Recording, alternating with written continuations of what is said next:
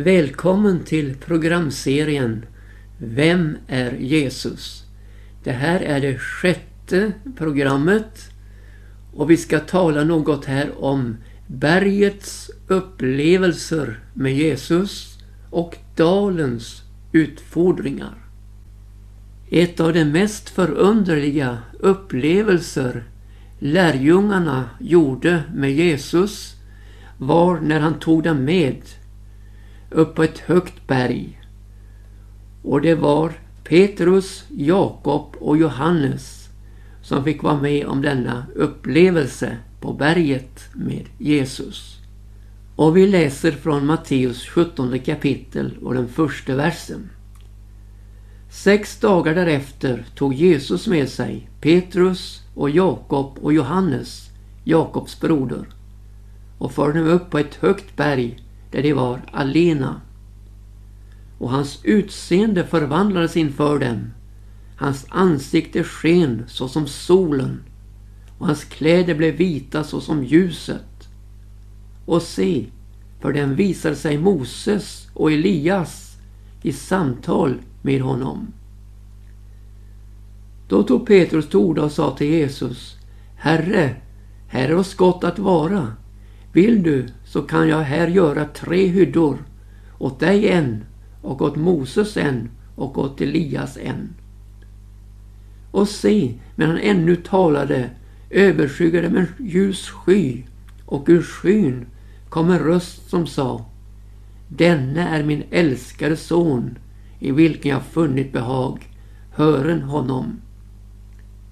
När lärjungarna hörde detta föll de ned på sina ansikten i stor förskräckelse. Men Jesus gick fram och rörde vid dem och sa Stå upp och var icke förskräckta. När de då lyfte upp sina ögon såg de ingen utom Jesus alena. Vi ser här hur himlen bryter in och vi får skåda in i Jesu gudomlighet som aldrig förr. Matteus han uttrycker det här då på det sättet att hans utseende förvandlades inför dem. Hans ansikte sken som solen och hans kläder blev vita såsom ljuset. Markus uttrycker det så här. Hans utseende förvandlades inför dem och hans kläder blev glänsande och mycket vita så att ingen valkare på jorden kan göra kläder så vita. Och Lukas han uttrycker det så här att medan han bad blev hans ansikte förvandlat och hans kläder blev skinande vita. Lukas han säger att hans ansikte blev förvandlat. Och Matteus framhåller att hans ansikte sken såsom solen. Ja, vilken härlighetens utstrålning här i Jesu ansikte. Som solen lyste det. Det är en Guds härlighet som strålar fram i Jesu ansikte. Det är en härlighet inför vilket alla mänskliga påfund och ljussättningar förbleknar. Vi är här inne på det gudomliga. Gud är ljus och intet mörker finnes i honom. Och vidare, den Gud som sade ljus ska bryta fram ur mörkret. Han är den som låtit ljus uppgå i våra hjärtan för att kunskapen om Guds härlighet som strålar fram i Kristi ansikte ska kunna sprida sitt sken. Det är detta ljus som lyser i mörkret och som mörkret icke har fått makt med. Du har väl sett hans ansikte? Du har väl mött honom? Du har väl sett den härlighet som den enfödde sonen hade från Fadern, fyllt av nåd och sanning. Ja, det gudomliga bryter fram i det mänskliga med sin förvandlande kraft genom Jesus. Hur skulle den Gud som bor i ett ljus dit ingen kan komma uppenbara sig för oss förutom genom Jesus? Och han ger oss här en glimt av härligheten, den eviga härligheten. Den Jesus besitter i evigheternas evigheter. Ja, innan världens grund var lagd hade han den. Men han avklädde sig den för att träda in i vår situation som en människa som dig och mig. För att vinna en evig förlossning, en evig frälsning med en evig utstrålning. Ja, för honom, men Gud vare lov också för oss som tror på honom. För också den rättfärdige ska skina som solen i evigheten. Och den utstrålningen, den blir av Jesus. Den som här strålar fram i hans ansikte. Och Markus, han säger att hans kläder blev glänsande och mycket vita. Och så tar han fram kontrasten med det jordiska och säg att ingen valkare på jorden kan göra kläder så vita. Och Lukas han säger att hans kläder blev skinande vita. Vi förstår med bibelorden från Uppenbarelseboken att här handlar det om rättfärdighet. Kristi rättfärdighet. Jag läser från Uppenbarelsebokens första kapitel och tolfte vers. Jag vände mig om för att se vad det var för en röst som talade med mig. Och när jag vände mig om fick jag se sju gyllene ljusstakar. Och mitt ibland ljusstakarna någon som liknade människoson klädd i en fotsid klädnad och omgjordad kring bröstet med ett gyllene bälte. Hans huvud och hår var vitt såsom vitt ull, såsom snö och hans ögon var som eldslågor. Hans fötter liknade glänsande malm när han blivit glödgad i en ugn. Och hans röst var såsom bruset av stora vatten. I sin högra hand hade han sju stjärnor och från hans mun utgick ett skarpt, tvegat svärd och hans ansikte var såsom solen när den skiner i sin fulla kraft. Vi förstår här att det är samme Jesus i evigheten som den Jesus vi mötte här på förklaringsberget. Den fotsidda klädnaden talar om en heltäckande rättfärdighet. Och när vi senare i Uppenbarelsebokens 19 kapitel och sjunde vers möter bruden och brudens rättfärdighet så förstår vi att det är Kristi rättfärdighet det talas om. Jag läser. Låt oss glädjas och fröjda oss och giva honom äran. Ty tiden är inne för Lammets bröllop och dess brud har gjort sig redo. Åt henne har blivit givet att kläda sig i fint linne, skinande och rent. Det fina linnet är det heligas rättfärdighet. Ja, det är Kristi rättfärdighet, den givna rättfärdigheten som har blivit bruden given. På förklaringsberget träder lagens representant Moses fram. Tillika med profeternas representant Elias. Och de har ett mycket viktigt samtalsämne De talar om Jesu bortgång, den han skulle fullborda i Jerusalem. För den härlighet som här visas kan inte komma någon till del förutom genom Golgata. Genom Jesu blod som renar från all synd. För alla har syndat och är i saknad av härligheten från Gud. Petrus, han blir så tagen av upplevelsen av härligheten på berget att han vill bygga hyddor. Här är oss gott och vara. Ja, låt oss bygga hyddor. En åt dig Jesus, en åt Moses och en åt Elias. Han visste nämligen inte vad han sa. För medan han ännu talade överskyggade dem en sky. Och ur den här skyn kom en röst som sa Den är min älskade son i vilken jag funnit behag. Hören honom. Ja, det är inte tid nu för att bygga hyddor. Man kan inte bygga in Guds härlighet i mänskliga hyddor. Utan här gäller det om att få den rätta blicken på Jesus. När skyn överskyggade dem blev de förskräckta och föll till marken. Men Jesus rörde vid dem och sa, var icke förskräckta.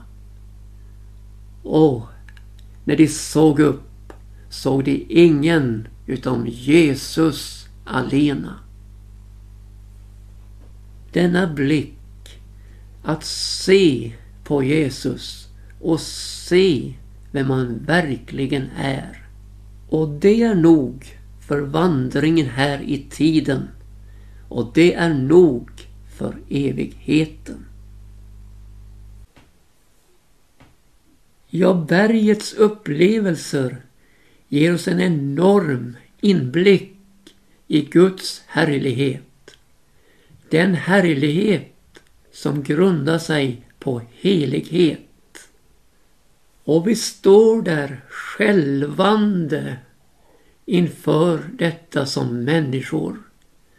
Att möta Guds härlighet är att möta Guds helighet.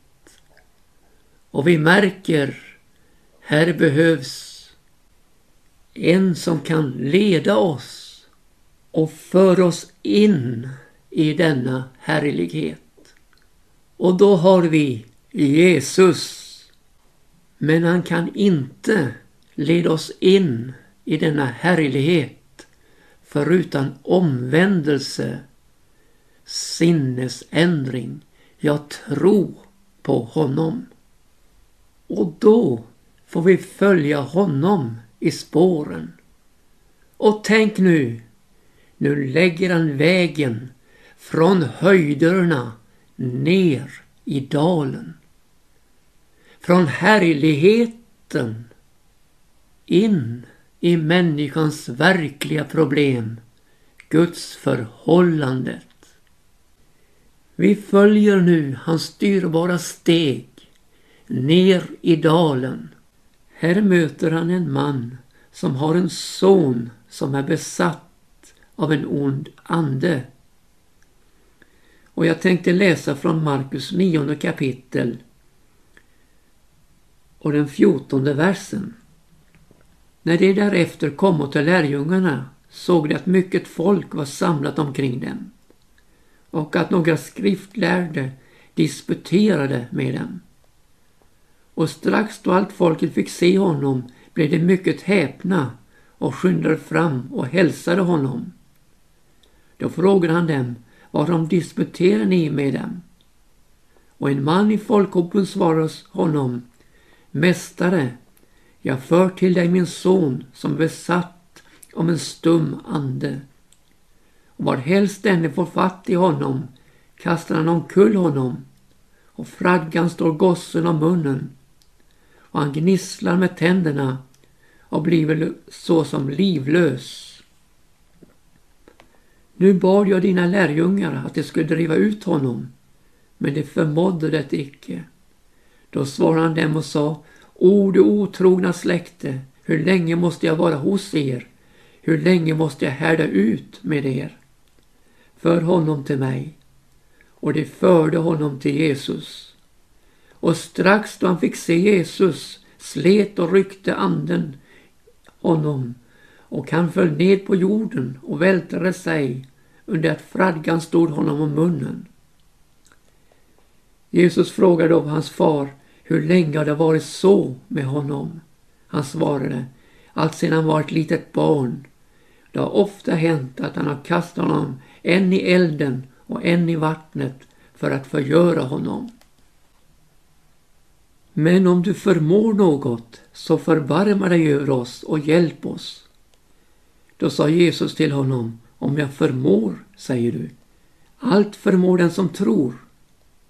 Strax ropade gossens far och sa, jag tror, hjälp min otro. Men när Jesus såg att folket strömmades tillsammans dit tilltalade han den orena anden strängt och sa till honom, du stumme och döve ande, jag befaller dig, far ut ur honom och kom icke mer in i honom. Då skriade han och slet och ryckte gossen svårt och for ut och gossen blev såsom död så att folket menade att han verkligen var död. Men Jesus tog honom vid handen och reste upp honom och han stod då upp. När Jesus därefter hade kommit inomhus frågade hans lärjungar honom, då de nu var alena, varför kunde inte vi driva ut honom? Han svarade dem, dessa slag kan icke drivas ut genom något annat än bön och fasta. Ja, scenen är förbytt från härligheten där uppe på berget till kamp emot onda andemakter nere i dalen. Men båda två situationerna är ju helt verkliga. Men Jesus är så underbar att han nöjer sig inte med det ena och underlåter det andra. Han nöjer sig inte med att ges en stunds härlighet uppe på berget. Nej, han för oss ner i dalen till uppgifterna som han lägger i våra händer. Och här möter oss Jesu suveränitet. Det är inga onda andemakter som tillåts att härja i hans närhet. Och det finns inga onda andemakter som inte han förmår att besegra. Här behöver vi känna pulsen i Jesu hjärta. Hur han känner för denna arma pojk. Så driven av ondskans andemakter.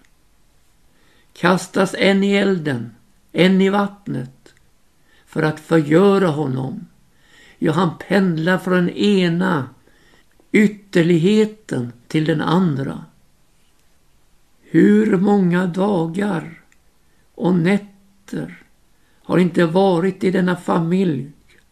De har kämpat emot dessa makter för att försökt få ordning på situationen. Men inget har hjälpt. Men nu nu kommer Jesus och lösningen är för handen. När Fadern här frambär sin förtvivlan om du förmår något så hjälp oss. Så säger Jesus. Om jag förmår, säger du. Allt förmår den som tror. Och jag tycker det är så dyrbart, Jesu ord här. Han kunde nöjt sig med att sagt jag förmår det här. Men det säger han inte utan han säger allt förmår den som tror. Och så lägger han över dessa uppgifter i våra händer på trons område. Men låt det stå lysande klart för oss att här går det inte med specialister Världsliga specialister, ja de kan nå en viss längd, en viss hjälp. Men de kan inte lösa problemet. Och så har vi då dessa andliga specialister och förståsigpåare. Nej, det hjälper ingenting. Vad ska till? Ett hjärta rört av Jesus som tar upp kampen där den hör hemma. På bönens område. Ja, Jesus talar om bön och fasta. Vi förstår att kampen är ohyggligt påtaglig. Men segern, den finns i Jesus. Han som är andevärldens besegrare. Han som är kvinnans säd som har söndertrampat ormens huvud. Han som vann en fullständig seger på Golgata över all ondskans härsmakt, ja, över den onde själv. Hördu, det är fullbordat. Vadå? Försoningsverket. Och när vi möter dessa ohyggliga krafter i tiden, då är det viktigt att vi har vår blick riktad på Jesus, trons hövding och fullkomnare. Att se på honom värmer upp vår inre värld så till den grad att vi blir brinnande i anden och tjänar Gud. Det ytliga betraktelsesättet försvinner och nöden blir lagt på våra hjärtan.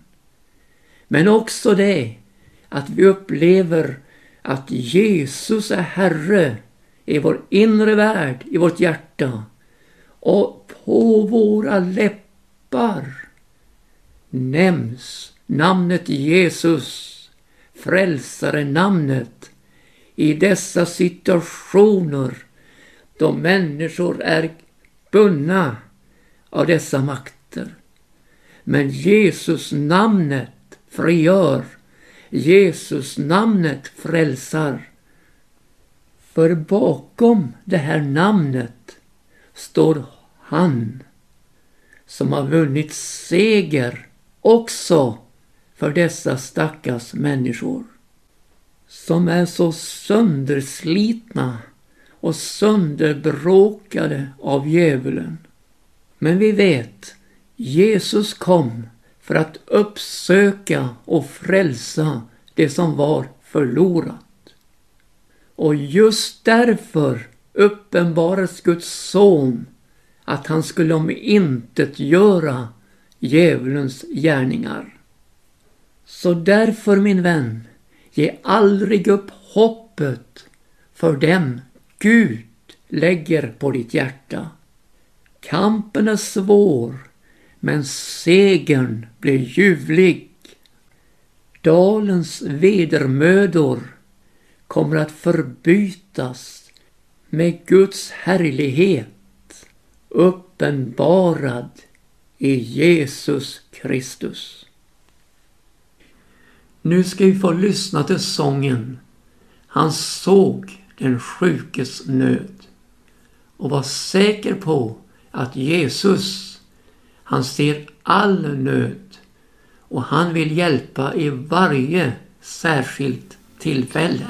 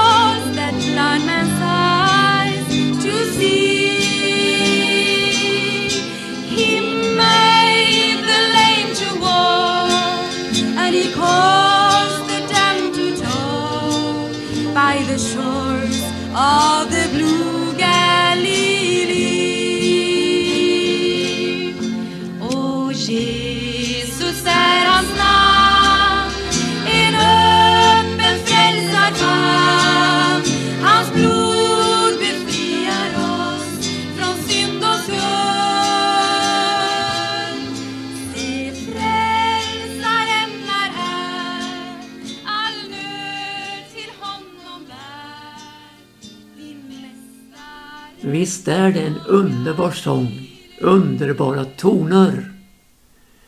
Ja, Jesus, han förstår sig på all nöd. Och det underbara är att han känner med den som är i svårigheter och kämpar sin kamp. Jesus känner för dig, min vän. Han har ett hjärta som klappar för dig och han går i förbön för dig inför Fadern. Och du kan få uppleva ett underbart bönesvar i just din situation. För du ska veta, Jesus förmår. Gud välsigne dig min vän och ge nu inte upp utan låt Jesus ta hand om problemet.